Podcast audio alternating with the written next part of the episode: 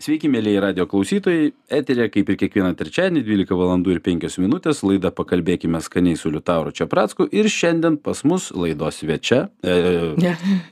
laidos viešinė, atsiprašau. Aš vis susimaišau, nes kažkada esu pasakęs laidos svečias apie, apie moterį ir man po to sako, čiagi viešinė. Taigi laidos viešinė. Žurnalistė, publicistė, laidų vedėja, e, ten dar daug visokių titulų yra Edita Mildažytė. Sveiki, Edita. Sveiki, mielas Liutaurai ir sveiki visi, kas klausosi. Taigi šiandien mes kalbėsime greičiausiai skaniai apie maistą daugiau, nes aš e, žinau, kad e, tamsta esate iš tiesų a, didelė mėgėja suktis virtuvėje, bent jau anksčiau, ir, ir labai pragmatiška vedėja, ta, ta prasme, maisto gamintoja. Tai, tai mes nuo to ir pradėsim. Ir mano klausimas būtų toksai, jis prasidės gal net ne nuo maisto. Mm, Žinot, kuo studentas panašus į šunį? Kad viską supranta, nieko atsakyti negali. Jo, akis protingos. Ir aš skaičiau, kad jūs e, pasakius esate, kad vyrą reikia e, prižiūrėti, šerti ir, e, ir, ir mylėti ir glostyti kaip šunį. Taigi, vat, nuo to ir Ne, pradėsiu. kaip dažnai, kaip dažnai labai būna, tai nėra citata, tai yra kieno nors interpretacija. Ta, ta e, citata tiksli skambėtų taip. Meilė kaip šuo. Jeigu nešeri, ji padvėsi. Tai arba kaip laužas, arba kaip bet kas. Taip. Aš kalbėjau apie jausmus, Taip. kuriuos reikia puoselėti ir tą turėtų daryti abu. Taip. Tai tada viskas veikia. Bet tikrai ne apie vyrą. Jo, o jokingiausia, kad buvo išversta va tai, va. Na, bet čia Tai, kai žinot, žmonės daug kas, mėgsta. daug kas išverčia taip, kaip kam yra tuo momentu patogiau, geriau skamba antraštė, tai mes prie to pripratę, čia nieko tokio, galėtų būti ir taip. Sugalvočiau ir į tai atsakyti. Ar iš tiesų mm, e, kelias į vyro širdį eina per skrandį? Nepasakyčiau, kad tik per skrandį, bet nepasakyčiau, kad labai jau didelę kilpą aplink jį daro. Nes vyras vis dėlto yra tam tikra prasme panašus į tokį e, mechanizmą, kur jeigu neįpili degalų, jis neveikia. Tai pavyzdžiui, aš turiu tokių operatorių, kur jeigu jie nepavalgo, jie negali dirbti. Arba jis pasidaro toks ir zlus. Žodžiu, tam tikrą valandą žinau, kad mes stabdom filmavimą, pavyzdžiui, ir viskas, aš juos maitinu. Arba yra iš tikrųjų brigada ištisa, su kuria aš dirbu, ir aš žinau, kad tam tikrą valandą viskas jiems išsenka baterijos, jie nebegali daugiau dirbti. Tai, Kaip iš tų šokoladukų reklamos ten. bet tikrai ir, tu, ir yra dar, man atrodo, kažką energizerį ten kažkokia reklama. Bet tikrai taip yra. Moteris kažkaip ilgus periodus pakenčia alkį. Ir aš už tai suprantu, kad šitas baisus rusiškas pasakymas reiškia, kad karas karu, o pietus pagal tvarkaraštį, jisai matyt turi tiesos, nes lygiai taip pat, pavyzdžiui, senovės mūšiai, kaip jie vykdavo. Jie vykdavo tiek, kiek žirgas turi energijos ir tiek, kiek žmogus gali atremti atakų, tai yra keletas valandų, ir maistas buvo privalomas. Čia su sąlyga, kad to maisto jie turėjo, ta prasme. Turėjo, Žinot, turėjo, kitaip nei tu kariaut. A, nu čia, kaip praktika rodo, jie dažnai dar, ar kaip pat, pavyzdžiui, dabartiniai situacijai mes turim pavyzdį tos armijos, kuri plėšia vietinius gyventojus, nes neturi ką valgyti. Žinot, ir mano požiūriu, a, va štai, pavyzdžiui, aš tai dėčiau lygybės ženklą. Moteris, vyras, nėra jokio skirtumo. Iš praktikos galiu pasakyti, kelias į bet kurio, a, ypač kai mesgi santykius, vienas iš kelių ir moters širdį yra maistas. Be jokios abejonės, nes tai sudaro mūsų turbūt pagrindinių pojūčių skalę. Kitas dalykas, maistas yra vis tiek sekso sublimantas. Ir jeigu mes imsime visą tą gurmė paletę, ar ne, tai ir kvapai, ir konsistencijos, ir kas tik tai nori.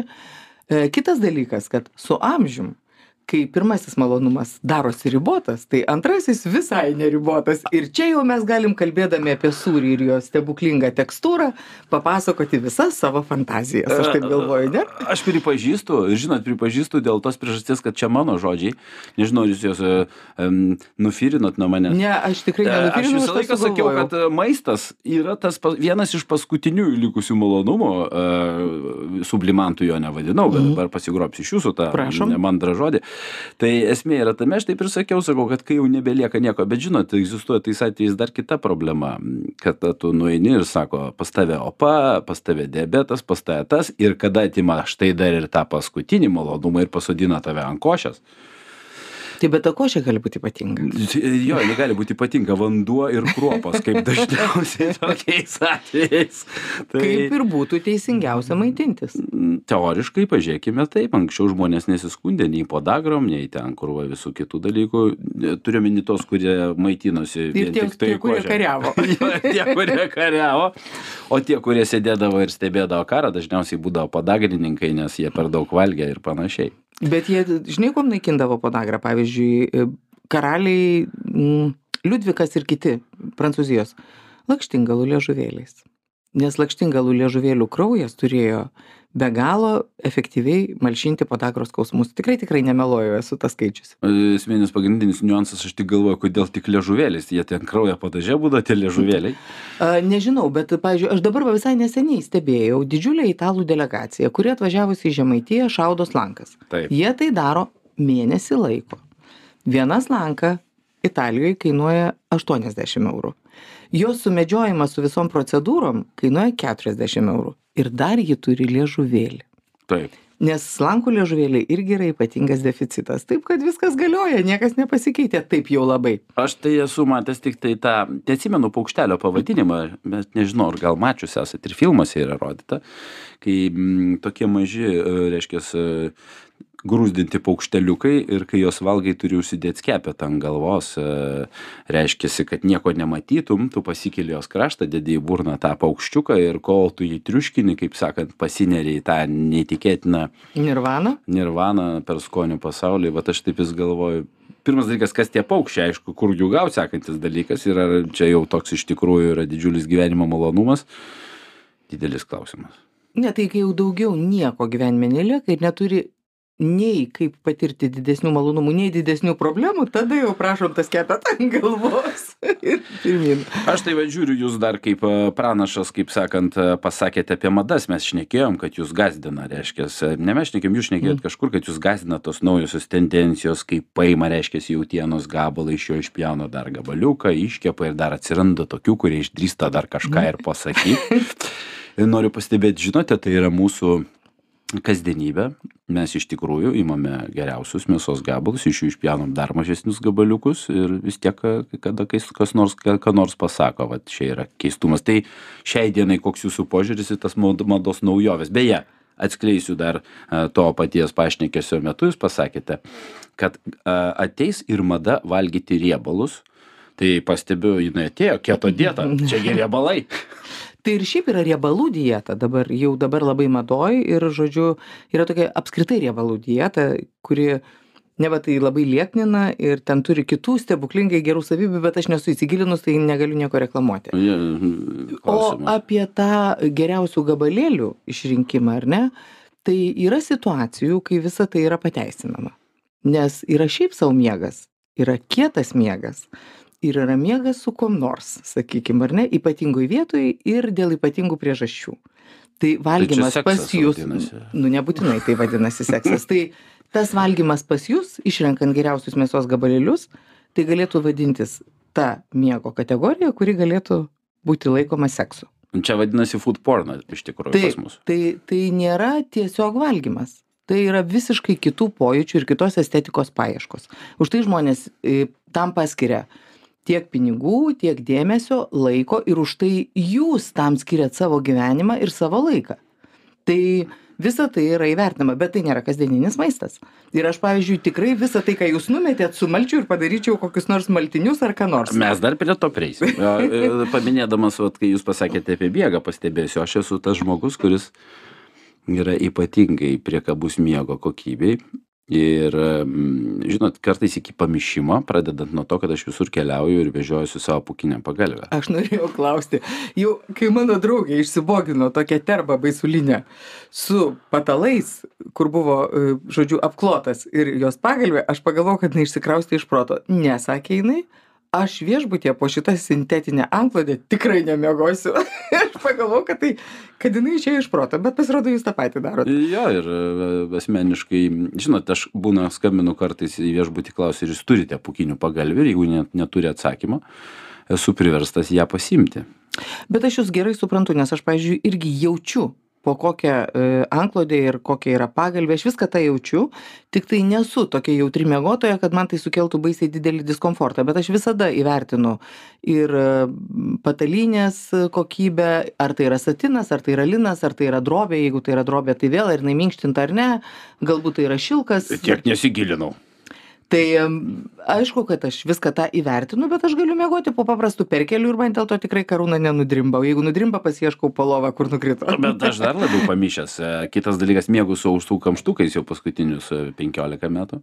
Aš neįsivaizduoju kaip jūs su jais užmiegat. Jums jie nespaudžia? Ne aš kai e, prabundu ir suprantu kad juos pamiršau įsidėt o būna tokių atvejų nu tam tikrais išskirtiniais momentais aš pasijaučiu kaip nuogas ant scenos ta prasme realiai ir ir tada mano sekantis rūpestis yra susirasti ir kuo greičiau juos įsikišt. Bet tai gal jūs tiesiog kažkuriuo momentu gyvenot labai triukšmingoj aplinkoj kur kitaip nebuvo ta galima prasme į kondicionierius dzindziliavo vienam bute tai ir aš nusprendžiau kad vienintelis būdas. Ir čia dar ne pabaiga dar prie viso to grožio temperatūra turi būti iki dvidešim maks. Ir dar sekantis niuansas kad turi būti visiškai tamsu. Ir čia įsivaizduokit situaciją kai atvažiuoji kažkur ar į svečius ar dar kažkas ir išaiškėja kad nėra naktinių užuolaidų tokiais atvejais aš keliauju į senukus perku ruloną rudo popieriaus ir izoliacijos grįžtu ir pjaustau popierių ir užklijuoju visus langus bet jums geriausia būtų tada miegoti kokiam nors tam pritaikytam šaldytuve Karste. ten ten tam tamsu kaip vampyrai Aš galiu tą suprasti, nes yra žmonių, kurie turi skirtingą jautrumą įvairiems e, poveikiams.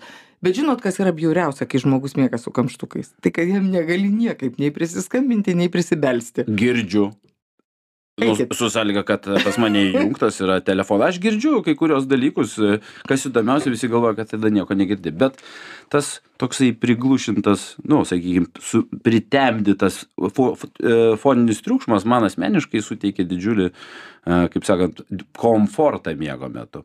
Bet mes pradėkim kalbėti apie maistą. Žinau, kad jūs esat nepaprastai taupi maisto gamyboj ir galite daryti iš to paties patiekalo N patiekalų, jeigu to reikalauja situacija. Galiu. Ir juokingiausias turbūt momentas, kai aš iškepiau mėsos piragą ir mano vaikas sako, klausyk mama, man atrodo, čia yra ketvirta buvusio kepsnio versija. tai, tai būna taip, bet dažniausiai tai būna dėl to, kad, pavyzdžiui, mes tupim sodybai ir neatsiranda nei vieno, kuris sakytų, kad aš dabar atsėsiu už vairo ir važiuosiu ir parvešiu maisto. Nu, ir tada aš einu ieškoti ten į podėlius, ką dar būtų galima susukti iš to seno naujai, kad tai taptų valgoma. Bet aš nesakau, kad tai yra labai skanu. Kitas dalykas, kadangi mano namuose visada buvo daug žmonių ir aš gamindavau septyniem kasdien, arba nu, mažiausiai penkiem. Tai, bet šiaip paprastai septynys sėsdavo už stalo. Tai įsivaizduokit, kad tai yra pusryčiai, pietus ir vakarienė. Vis tiek biudžetai yra pakankamai riboti skiriami maistui. Tai aš netgi turėjau tokį tvarkaraštį. Aš, pavyzdžiui, antradienį važiuodavau į turgų. Ir aš labai gerai pasižiūrėdavau, kas yra šviežia, gražu ir taip toliau. Ir aš pasidarydavau visą meniu visai savaitėjai savo galvoj. Ir sakykime, aš ten iškepu kokį nors uh, pyragą su mėsa ir tą pačią dieną išverdu sultinį, ar ne, kur valgo šiltą, dalį jo užšaldau, paskui išsikepu bet kiek lietų blynų su įvairiausiais įdarais, paskui pasidarau kažkokius tai kotletus, susiskaičiuoju ir ant pabaigos užsimarinuoju kepsnį, kurį kepsim pabaigoje savaitės. Ir žinau, kad vėl į turgų važiuosiu tik tai jau savaitgaliui. Tai aš tokiu būdu ten visai gerai susimenedžeriaudavau ir pakankamai ekonomiškai. Nes jeigu varškė tai virtinukai ir ten, žodžiu, kepti virti ir dar koks nors piragas su varškė arba dar kas nors, nu, žodžiu, Tai va. Tada pereisiu, čia net galima būtų sakyti toks kompromituojantis klausimas. Jūs turėjote bedų turgų, tam bedų turgui pro jūs praėjo įvairių žmonių ir tų, kurie iš tiesų patyrė tas nelaimės. Ar buvo tokių, kurie iš tikrųjų bandė spekuliuoti ir jų nelaimės arba bėdos buvo netikros arba netokios, kaip jie bandė parodyti? Nes Ne. aš pagrysiu, kodėl taip sakau, ar ne? Dalyvavau kažkada pas Maldikienę laidoj. Padėk jį gali. Ir tai vyko laidas filmavimas Kedainiuose. Socialiai remtina šeima. Na ir dabar net pastebėsiu, mes pajusim artumą per mano, kaip Mhm. sakant, irgi taupumą kaip namų šeimininkės. ir reiškiasi visam šitam bendram kontekste man pasakė tavo biudžetas savaitei yra toks tu turi išvirti nu pas pasirūpini kad būtų pamaitinta šeima ir dar batus reikia vaikui nupirkti ir visa kita ir aš savaime suprantama pradėjau galvot kas vienas iš tų tokių sočių ir taupių maistų. Sriuba savaime suprantama, jeigu jinai yra kokia nors su daug visokių. Ir aš nusprendžiau, kad išvirsiu girūkštinių sriubą. Nu, kadangi jam su kamerom, tai man moterytės ten turgui čia tau vaimk svogūnų, čia tau slovikėlės, kaip sakant, šitų mm, rūkštinių pačių. Rūkštinių pačių. Ir aš išviriau. Ir žinot, koksgi buvo mano nustebimas, kai man buvo pasakyta, mano vaikai to paties antrą dieną nevalgo. Tai va. Bet... Ir čia socialiai remtina šeima. Bet visada yra šaldiklis tam reikalui. Tai galima dalį tos ribos vieną kartą duoti, o paskui užšaldyti ir kitą savaitę jinai bus jau iš naujo. Iš naujo Taip, pas mane toks biudžetas buvo, atleiskit, kad um, aš ir buvau susiplanavęs, aš kažkaip gavau, žinot, sriuba ta rūkštinė, jinai skanesnė dar antros dienos. Taip, taip. Teoriškai. Bet koks buvo mano dar kitas nustebimas, kai aš pasidarinėjau spintas, reiškia, nu, kai tą gaminau valgyti ir žiūriu šaldytuvuose, ne kokia cento grėtinė, toletinis popierius, brangiausias, reiškiasi tuo tarpu visų spintelių stalčiai nulūžinėja visa kita o tuo tarpu namų šeimininkė man tą rodo moteris savo sūnaus šešiolikmečio išdrožinėtą kėdainių miesto panoramą ir sako čia specialiai miestui. Ir aš sakau na aš suprantu kad jis drožinėt moka sakau tai bet jis gal galėtų spinteles prisisukti atgal nes čia tikrai jeigu jau moki drožinėt tai čia yra tas. Tai ten aš supratau vieną paprastą dalyką kad tokia socialiai socialiai remtina šeima jinai buvo mažiau socialiai remtina šeima nes su tokiom reiškiasi mano vaikai valgo tą patį antrą dieną. Tai ne matot e, aš tikrai nesakyčiau kad kada nors mus kas nors apgavo. Ne mes visada žinodavom tikrai realią situaciją nes mes labai tikrindavom.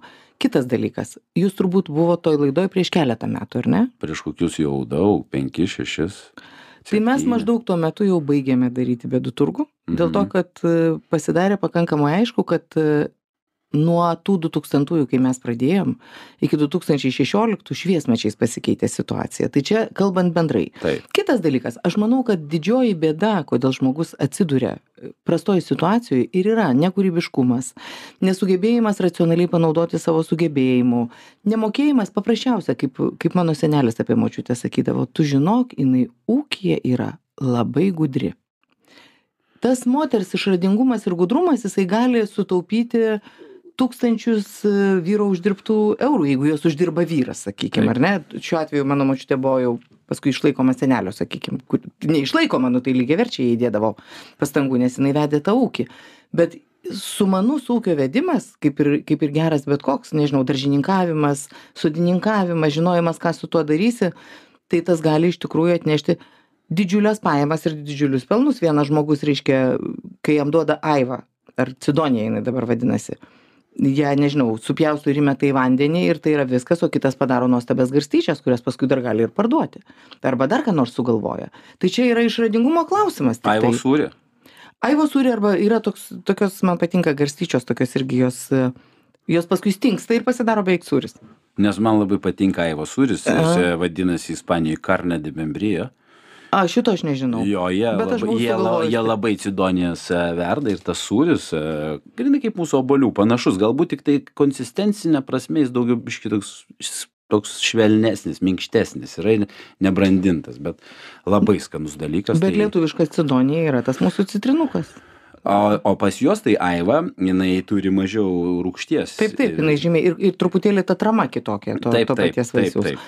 Tai va, tai žodžiu, aš manau, kad dėl to žmonės ir atsiduria skirtingose situacijose, nes pagalvokit labai paprastai, užauga vaikas labai turtingo šeimoje, jam nebereikia spręsti jokių klausimų, jisai jų ir nesprendžia.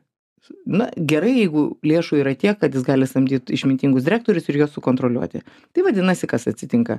Šeima nuskursta ir sekanti karta anūkų vėl iš naujo kabinasi į gyvenimą. O tas žmogus, kuriam reikia prasikalt per asfaltą, jisai ir prasikala. Tai atsiranda išradingumo, atsiranda labai daug sugalvojimo, kaip čia man dabar panaudoti paskutinį eurą. Ar aš jį galiu pravalgyti, ar aš galiu jį padauginti. Ne veltui buvo tokia knyga didžioji namų šeimininkė dar smetonos laikais Mhm. Buvo jų įvairių. kur, kur ten viskas ir buvo tie patarimai kaip moteriai e, tvarkingai tą tvarkyti ūkį bet vėlgi šiais laikais e, pasakyt kad e, ūkis yra tik moters reikalas mes čia užsitrauksim tokią rūstybę kai kurių Tai jis ir nėra. moterų Ne, ne, tai jis ir nėra. Ir dabar viskas yra labai pakitę, daugybę dalykų padaro mechanizmai, bet, bet net ir mechanizmai yra skirtumas. Aš suprantu, kad yra labai ekologiškas skalbimas, bet klausimas, kiek tu pridėsi skalbinių jau į tą automatą. Tu gali skalbti pilną mašiną ir gali skalbti vienus apatinius. kai turi vaikų namuose tavo Tai visada mašina pilna. visada pilna Tai tas šventa tiesa. Mes keliaujame šiuo metu į reklamą ir netrukus pratęsime pašnekėsi. Grįžtame į eterį su laida Pakalbėkime skaniai su Liutauru Čiapracku. Šiandienos mūsų laidos viešne Edita Mildažytė ir Edita, dabar kalbėsim tada apie jūsų daržus, nes aš bet kokiu atveju uh, iš jūsų paminėjimo, kad jūs turite sodybą, kurioje sėdit, kaip suprantu, bent jau, arba tiksliau sakant, klausimas, ar auginate? Auginu, bet dabar jau galvoju, kaip mažinti, dėl to, kad yra visko per daug ir arba to reikia užsimti profesionaliai ir rimtai, tai reiškia, kad reikia gyventi ir pačiai prižiūrėti, arba aš visada sakau, kai manęs paklausia, o gal man vis dėlto pasisodinti vieną pomidorą, arba ten e, pasisėti kokiu nors prieskoniu balkone ar ten ant palangės, aš sakau, koks skirtumas, jau tada gali turėti daržą, nes ar tas vienas numirs nelaistytas, ar jie visi numirs nelaistyti, nes kiekvieną gyvą daiktą reikia prižiūrėti. Tai aš turiu daržą, bet jis yra per didelis man. Jau dabar. Bet e, neturiu ką daryti, kadangi jis yra, tai užsodinu. Dabar jau galvoju, kad jį reikia užsodinti įvairiausiais daugiamečiais augalais. Ir radau išeiti, už- pasodinau keturias lysves česnako va dabar pavyzdžiui. Paskui pasodinsiu keturias arba penkias lysves svogūnų, nes juos visada suvartojam. Aišku, kad užsodinsiu daug burokėlių, mažai morkų, paskui dar bulvių, paskui dar ko nors, aišku, pomidorų ir agurkų ir paprikos. Viskas, repertuaras baigtas ir lysvė žolių. Pomidorus, kaip suprantu, jūs sodinate kitiem. Taip. Taip. Ne, pomidoras labai universaliai. Aš valgau visokiausias versijas pomidorų išskyrus sultis ir pačius pomidorus. Bet, pavyzdžiui, lečio aš mėgstu, ten pomidorų padažus aš valgau, man viskas labai patinka. Grinų sulčių negeriu, bet jeigu tos sultis yra integruotos į kokią sriubą arba gazpačio, nepasakyčiau, kad labai skanu, bet mm, iš bėdos galiu suvalgyti. Žodžiu, man kažkas nesuprantu, kas tam pomidorė nepatinka, bet man jie iš tikrųjų neskanus. Gaspačio yra mm, e, versijų, kur galima nenaudoti pomidorų. Tai taip, taip, taip kaip šaltibaršiuose galima nenaudoti ten visokių burokėlių ir kitų dalykų. Yra šaltibarčiai su rūkštynėm. Ir ne tik, aš, aš, Su balandom esu dar valgęs. Aš tai darau ir su rūkštynėm, bet man labai patinka su iranu dabar daryti. Ir su visokiam tokiom pusiau egzotiškom žolėm ir su česnakais. O be to dar man labai skanu šaltibaršiai balti su ridikėliais, kadangi mano bičiulis nevalgo burokėlių, tiksliau, ne, jis nevalgo agurkų ir nelabai mėgsta burokėlius. Tai žodžiu, tai aš ten visai sukuosi. Tai va, tai man irgi skanu su ridikais, bet aš šaltibaršius, pavyzdžiui, tai galiu valgyti, kai yra 20 laipsnių šalčio ir tris kartus per dieną. Man niekada nepraeina noras jų. Aš Man yra žiauriai skanu. Ant dienų išgirdau tokį niuansą, kad biržų krašte šaltibaršius gamina su pienu. Kodėl biržų krašte suvalkijoje taip pat? Ta prasme, kefyrą maišo su pienu? Jo. Taip. Aš Taip. buvau lengvai šokiruotas. Žinot, čia man iš karto toksai, kaip tam anegdote, jeigu gamini šaltibaršių su pienu, tai braškių gali nebeplauti. Taip, bet aš jums pasakysiu, kodėl jos gamina su pienu ir kas atsitinka. Taip. E, Jeigu tu įpili, pavyzdžiui, stiklinę pieno į 2 litrus kefyro, ar koks ten raugas bebūtų, ir šaltibaršiai pastovi 15 minučių arba 20, pradeda tą pieną, jisai atgaivina raugą. Ir Mhm. e, pasidaro toks labai gaivaus raugo efektas. Tai yra tas pats, kaip į raugą įpiltum, žodžiu, irgi pieną ir jis pradėtų traukti, sakykime, fabrike maisto, ar ne? Tai vad dėl to yra pilamas pienas. Ir jisai, žinokit, visiškai duoda gerą efektą, aš jums siūlau paba- pabandyti ir tikrai neatsitiksim kaip po neplautų braškių, nors man tai ir po neplautų nieko neatsitinka. O šiaip, jūs dar savo neišleidote knygos Apie ką? apie kulinariją. Žinot, e, apie kulinariją jau visi turbūt yra parašę Ne, savo knygas. matot, didesnė dalis tų, kurie pasirašė knygas apie kulinariją, jie namuose negamina, ta prasme, tai čia yra problema. Jie tiesiog e, prisižiūrėjo gražių Džimmy Oliverio knygų, kuri greičiausiai jisai irgi pats jų negamino ir e, nusprendė tą progą, kad gaminti gali visi. Bet aš internete esu radęs ne vieną e, tokį jau, kaip sakant, receptą, kurie ten matosi yra ilgus metus ir tai yra agurkėliai pagal Editą Mildažytę. Aš jau pati pasižiūrėsiu, kaip jos daryti, nes labai seniai nebekavau. A, ten stiklinė surašyta, aš pamenu, stiklinė acto, Taip, taip, stiklinė labai- cukraus, ten, Ten dvi taip- stiklinės vandens ir parašytas kliausteliuose 250 ml, kaip pats, sakykime, Kaip matas. matas. Vienintelis dalykas, kas nepaminėta, tai kiek to agurkų reikėtų ant to marinato, taip Tai sakant. turbūt jos reikia dėti į, į pridėti stiklainius ir tiek. Ir užpilti marinatu. Matot, bet čia toksai kaip jau Užpilti, žinotum- nupilti, užpilti, Taip, nupilti. užpilti, nupilti, užpilti, nupilti. Ne, tai reikia prikaitinti paskui. Taip. Jeigu nori, kad jie nesuminkštėtų, Taip, tai reikia užvirinti marinatą, užpilti agurkus, užsukti, palaikyti, kol truputį praušta ir pastatyti ant galvos tą stiklainį, taip. tada nupilti, vėl iš naujo užkaitinti marinatą ir tada vėl verdančių užpilti. Reikia du kartus tą padaryti. Taip, taip, jie kartu ir nusiplauna, kaip jūs sakote, nuo tų braškių. Ne, aš tikrai nesijaučiu galinti ir nesijaučiu pasiruošusi rašyti kulinarinės knygos, tai pirma. Antra, e, maisto mados stipriai labai keičiasi. Ir em, jos dabar darosi tokios, taip švelniai, tarkime, nebežmoniškos. Ir aš galvoju, kad dabartiniam valgytojui aš ko gero jau nepataikyčiau pagaminti. Ir tie receptai neturėtų populiarumo, vadinasi, jie nebėra aktualūs. O kažkaip žiūrėkit, mano giliu įsitikinimu, kada mes kalbam apie maisto madas, ar ne, tai viena iš tų mm, madų ir, ir vienas iš tokių e, dalykų, kuris mm, užsienyje, tai yra pasaulyje, ir apskritai ir Lietuvoje yra prarandamas, tai yra tas gebėjimas pačiam užsiruošti tas daržovės, ar ne? Mm, Mes dabar labiau kliaunamės parduotuvę, pažiūrėkit, aš esu tas realus pavyzdys, aš su dideliu malonumu, kaip sakant, kai gaunu dovanų, mm, panaudoju jas, bet kad pats keliaučiau ir pradėčiau vekuoti. Ir tai, manau, kalbant, kada šiais laikais šneka visi apie ekologiją, apie tą tvarumą, apie visus šitos dėsnius, tai kulinarijai, manau, ir čia pasaulyje egzistuoja irgi tai, tvarumas tai ir yra tas, kada tu pats augini, pats kišys lovikėlį ir čia nėra jokių naujų. Ir pats suvartoji. Taip, ir pas jūs, pavyzdžiui, va, e, lečio pagal editą, taip sakant, irgi. Ir kaip suprantu, juk čia mes nešnekam tik apie du receptus, tai papasakokit dar, kokius dar dalykus, tos tokius pagal, sa- jau nešneku, žinote apie tos m, gyvybei pavojingus kotletukus, kurie sproksta pasirodo. A. tai, žodžiu, aš esu gavusi du didžiausius apdovanojimus kulinarinius. Tai yra Bumblausko pripažinimas, kad nėra valgęs skanesnio lečio. Ir kai jis paprašo, beje, šiandien Alfredo Bumblausko gimtadienis yra.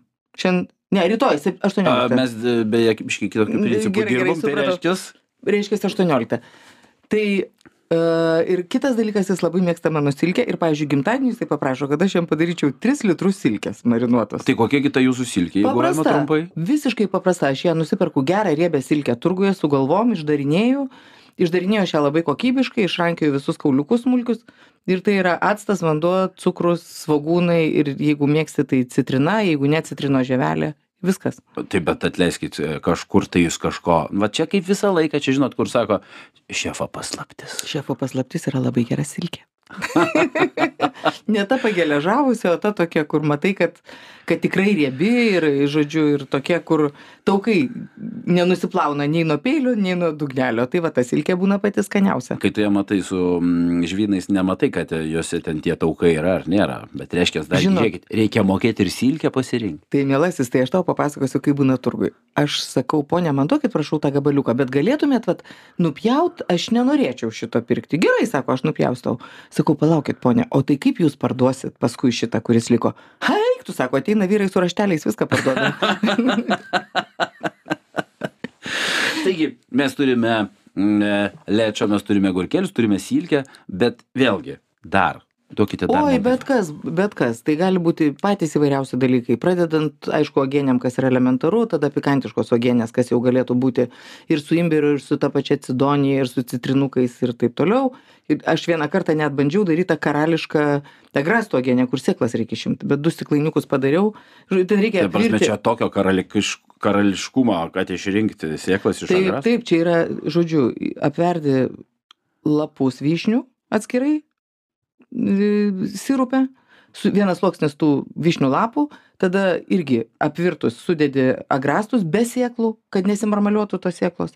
Ir turi būti kieti žali agrastai ir vėl sluoksnis, ir vėl sluoksnis. Žodžiu, skonis toks, kaip jeigu būtų Karališkas. 19 amžius būtų karališkas, dabar tai, žinai, yra ir karališkesnių, bet darbo yra tiek, kad tikrai neapsimoka, bet esu pabandžius daryti. Baigiant rabarbarais, nežinau, marinuotais, raugintais, kokiais nori ir taigi bet ką galima, burokėliai, pavyzdžiui, tai gali, kiekviena moteriškė daro, tai arba su obolių sultim, arba su... Kiekviena moteriškė nebedaro. Matot, aš priklausau tai labai keistai kartai, kur kai mums pradėjo šnekėti apie ekologiją, Taip. tai aš niekaip negalėjau susigaudyti, kokia čia ekologija, jeigu ir taip mums viskas buvo ekologiška, nes mes tiesiog taip gyvenom. Aš, pavyzdžiui, esu paskerdusi keulę. Kažkada tai per blokadą. Ir, ir turėjau vištų. Ir ančių. Nes nebuvo ką valgyti. Ir, žodžiu, kitaip sakant, mūsų ta mano pagarba maistui dar yra ir iš to, kad buvo stokojama tam tikrais periodais arba tam tikrų produktų nebuvo. Aš labai gerai atsimenu, kas tai yra egzotika. Ir jau vėl kalbant apie mūsų kartą, mums reikėjo išmokti daugybės dalykų. Nes mes nežinojom nei kas tai yra daiginta soja, nei kas tai yra nepykite kinietiškas maistas, nei kas tai yra indiškas maistas. Mes ir karius turėjome įprasti valgyti ir visokius kitokius dalykus. Ir vieni įprato, kiti neįprato, vieni prisitaikė galų gale net tą patį rūkolą. Buvo naujiena. Aišku, jų yra pievoj. Ir aš dabar jau atpažįstu pievoj. Nešnekant apie alyvogių aliejų, kuris Tai- kai atsirado, ne- nedideliai dalį žmonių kėlė didžiulį pasigėrėjimą dėl savo kartumo. Taip, ir tie pamokslininkai, žodžiu, išminčiai iš vakarų, kur jau va tris savaitės pragyvenome Italijoje ir beveik esame aliejų ekspertai ir galime jums papasakoti, kokį jūs esate klumpakojai šokantis ir blizgate kaip lašiniai, tai man keldavo to visą laiką tokias dviprasmiškas mintis. Aš tai esu vis dėlto prisirišusi prie um, tokio normalaus kalbėjimo ir pagarbos apskritai žmogui, tradicijai, tą, ką turim, tas, kas yra įgyventa, tas, kas yra žmonių įpročiuose, įprotį suformuoti yra gana sudėtinga. Kaip ir jį keisti. Tai ir vienu ir kitu atveju turime jausti jam pagarbą.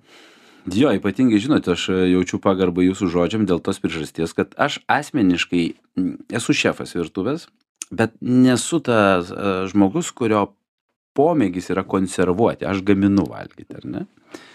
Ir gaminti, ruošti tas gerybės, čia yra visai kas kita. Ir aš taip gerbiu tos žmonės, kurie išlaikė tą tradiciją šiai dienai, ypatingai turint omeny, kad kalbant apie miestiečius, mes apskritai prarandam po truputėlį.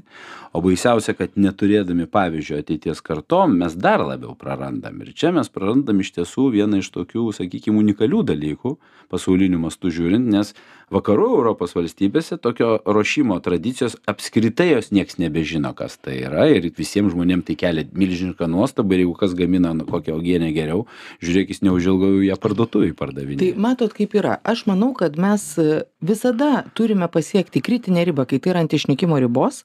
Ir tada staiga su nauja banga ir su nauja komercinė sėkme visą tai mūsų užlieja kaip kokia banga. Žodžiu, tai tas pats yra, sakykime, kokie vokiečiai išgirdę mūsų dar dabar egzistuojančią liaudės muziką ir liaudės dainas, aš nekalbu apie tą tokią populiarią, bet aš kalbu apie tą tikrą etninę muziką. labai panašiai į vokišką. Tai jie sako, kad tai yra neįtikėtinai rimta ir, pavyzdžiui, kompozitoriai sako, palauk, mūsų jau visas melodijas išrašė Bachas ir Bethovenas. Taip, Taip, ir jau viskas integruota. taip. Ir ten Wagneris koks. O sako, jūs dar turit ir gyvenat ir tai yra labai svarbu, bet mes niekinsim tol, kol užplumpinsim galutinai, tai bus ir su kalba, kai jau užplumpinsim, tai tada švariai lietuviškai kalbantis bus tie, kur vėl atsiras naujieji litvomanai ir tada sakys, o mes, žinot, atsisakom bet kokių kitokių tarpų kalbių, mes dabar visi kalbėsim tik švariai lietuviškai. Aš manau, kad tai bus. Bet e, viskas turi matyti įvykti ir viskas turi savo cikliškumą. Žmona iš manęs juokiasi, kai aš sakau persuksiu ir jinai sako, na, tu čia šneki labai negražiai. Jokingiausia, aš sakau, tai ką, čia turbūt visi taip sako ir ant dienų, vat, gaunu visus žinutės, kažkam paskambinu ir man vis persuksiu. Ir aš sakau, žiūrėk, ne, aš vienas toks atsilikėlis toj lietuvių kalboje. Čia tarmybė.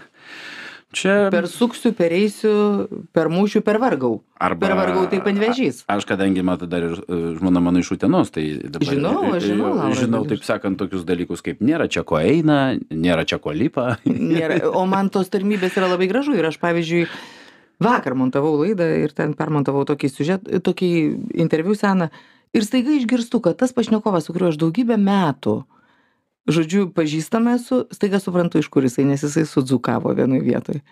Ir aš staiga suprantu, kad jisai matyt kažkur ten nuo merkinės bus. Man patinka, man patinka girdėti tos niuansus kalboje žmonių ir apskritai man atrodo, kad tai yra savitumas, tai yra labai gerbtina. Dabar jau ir kalbininkai neprieštarauja ir dabar mane atvežė į žanykščių žmogus. Tai arba į žalytaus, kai būna, tai labai jau gražu. man patinka. Ir tik tai keistai atrodo tos labai gražios suvalkėtės su savo tokia rimta tarme. Tai e, dabar tada vėlgi grįšiu prie maisto. Ar įmanoma padam- pagaminti kiaušinių tortą nenaudojant kiaušinio? Nes aš žinau, kad jūsų tortas tai iš visko, kas liko šaldytuve. Taip. Taigi klausimas, ir ką jūs ten randat tam šaldytuve, jeigu jame pel- pelė pasikorė, daleiskim, ir net kiaušinių nėra? Ne, kiaušinių tai būna. Kiaušinių paprastai būna. Be, kiauši, be kiaušinių nesu įgudusi, bet gal su kokiais kiaušinių milteliais ir būtų galima. Neįmanoma turbūt. Neįmanoma Nu kaip, nebent jūs iškeptumėt iš kiaušinių miltelių omletą ir tada bandytumėte tą omletą Integruot kažkaip. integruoti tortą. Ne, taip turbūt neišeitų. Ne, ne, ne, ten yra viskas. Žodžiu, svarbiausia, kad būtų nors ko rūkyto, Taip. nors koks nors, nors kūra, kokia stora lašinių. Tai Arba apsirūkęs vyras namuose. ir, ir žodžiu, tada visą tai pakepini, kas dar liko. O gali būti kas nori, gali būti, pavyzdžiui, nedavalgyti agurkėliai arba prakastas pomidoras. Aš tikrai nesu to, bet tokia taupinė jokaukit. Bet gali būti, pavyzdžiui, vakarykščia arba užvakarykščia kepta lašiša. Bet kas, žodžiu. Ir visa tai puikiai tarpusavėje dera, tik e, reikia būtinai citrinos. Nes jinai e, iš, išpurena, išbalina tą kiaušinį ir reikia labai ilgai ir nuobodžiai plakti. Tada viskas bus gerai. Ir aišku, sūrio, kad sukabintų. Hmm, nes aš nežinau apie šitą receptą, aš tiesiog perskaičiau antraštę apie kiaušinių tortą, nes aš, pavyzdžiui, pasidalinsiu savo paslaptim, mm, šiais metais galvoju, mm, vieną iš švenčių padarysiu, bet jau kada galima bus mėsą valgyti, aš darysiu tortus, bet surius. Um, ir aišku, silkę pataluose kaip tortas, padarysiu tokį mažą gražų torčiuką. Ir- Nuostabu. Jo, ir darysiu būtinai duonos tortą. Žinot, jis labai populiarus e, Skandinavijoje, kur sluoksniuoja kaip biskvita duona, o ten jau ir kiaušiniai, ir lašiša, ir raudoni įkrai, ir, kas, ir varškės e, tas gritinėlės sūris, ir ten kas tik nori pridedi, aptepi dar išplaktų to gritinėlės sūrių, išpoši, reiškia, žalumynais, kiaušiniais, įkrais ir panašiai. Iš toliau, ypač žmogui, kuris yra trumparegis kaip aš, tai ir panašu į tortą, o kai prieini, sakai, Jėzau, kas čia dabar, bet labai skanu visi, kas ragas. Labai, o žinot, mane yra sužavėjęs toksai tortas, e, kur aš buvau pavaišinta, tai buvo bulvinių blynų su grybų mase pertepta ir iškepta pečiui formoje tortas. Ir jis buvo nepaprastai skanus. U. Ir čia, aš kaip suprantu, koks tai liaudiškas valgys. Taip, čia tiesiog taip sugalvojo ta ponia. Ir sakė, aš visą laiką kepu tos didelius blynus bulvinius. Mhm. Jinai juos pertepa, žodžiu, tais e, grybais, kurie yra minkšti. Tai yra visokie pievagrybiai, ten baravykai, nu, žodžiu, nebūtinai baravykiniai, bet jinai juos permala su svogūnais prieš tai iškepusi, padaro pertepimo masę, nežinau tik tai ar deda grėtinę ar ne. Ir gal jinai deda kažkokį tai kietą sūrį, man tai atrodo, kad truputėlį su, sulaikytų. Taip. Sudeda į formą ir visą tai pečių iškepa. Ir labai skanu. Norėtumėt, ar ne? Aš visą laiką, mesgi žinote, su iš tų bulvinių giminės, tai principė, ašgi lietuvis. Aš kartais kaip pagalvoju, mm, kad e, kaip anksčiau žmonės maitindavosi, prisimenu vaikystę, kai žerneliai būdavo didžiausia, reiškia, vakaro vienis per šventes. Tuo pat metu, kai pagalvoju, kai daktarai sako, reikia valgyti daugiau daržovę. Na ir galvoju, tai o ką mes valgėm, kokias daržovės, daleiskim, prieš 30-40 metų, kai jų apskritai nebuvo, buvo tik tai tai, ką jūs taupiai pas save susidėjus Taip. podėlėje turėjote, Taip. pavyzdžiui, lečio. Tai aš už tai, kai eina kalba apie žaliavalgystę, arba ten veganizmą, arba dar kažką, tai aš visada sakau vaikai, jūs įvertinkit, kaip jūs gerai gyvenat. Tikrai. Nes taip. užtektų, vat, kaip per karantiną, kad būtų nuimti skrydžiai ir visas veganizmas pasibaigtų, nes nebebūtų ispaniškų pomidorų, nebebūtų avokadų iš neatsimenu, kur jie ten auga, kažkur bali, nebali, nebūtų mangų iš, iš Tailando, žodžiu, Indijos, tai, taip. Ir taip toliau, ir taip toliau. Kitaip sakant, labai greitai pasibaigtų viskas tom pačiom bulvėm, morkom, agurkai, sėtiniu. žinai kas yra sėtinys ar valgęs esi Ne. gručkas Ne. O mes darydavom iš jų medalius ir valgydavom ir man visai skanu buvo. Aš tarp kitko net žalias bulves esu valgius aš labai mėgdavau maža kažkodėl žalias bulves.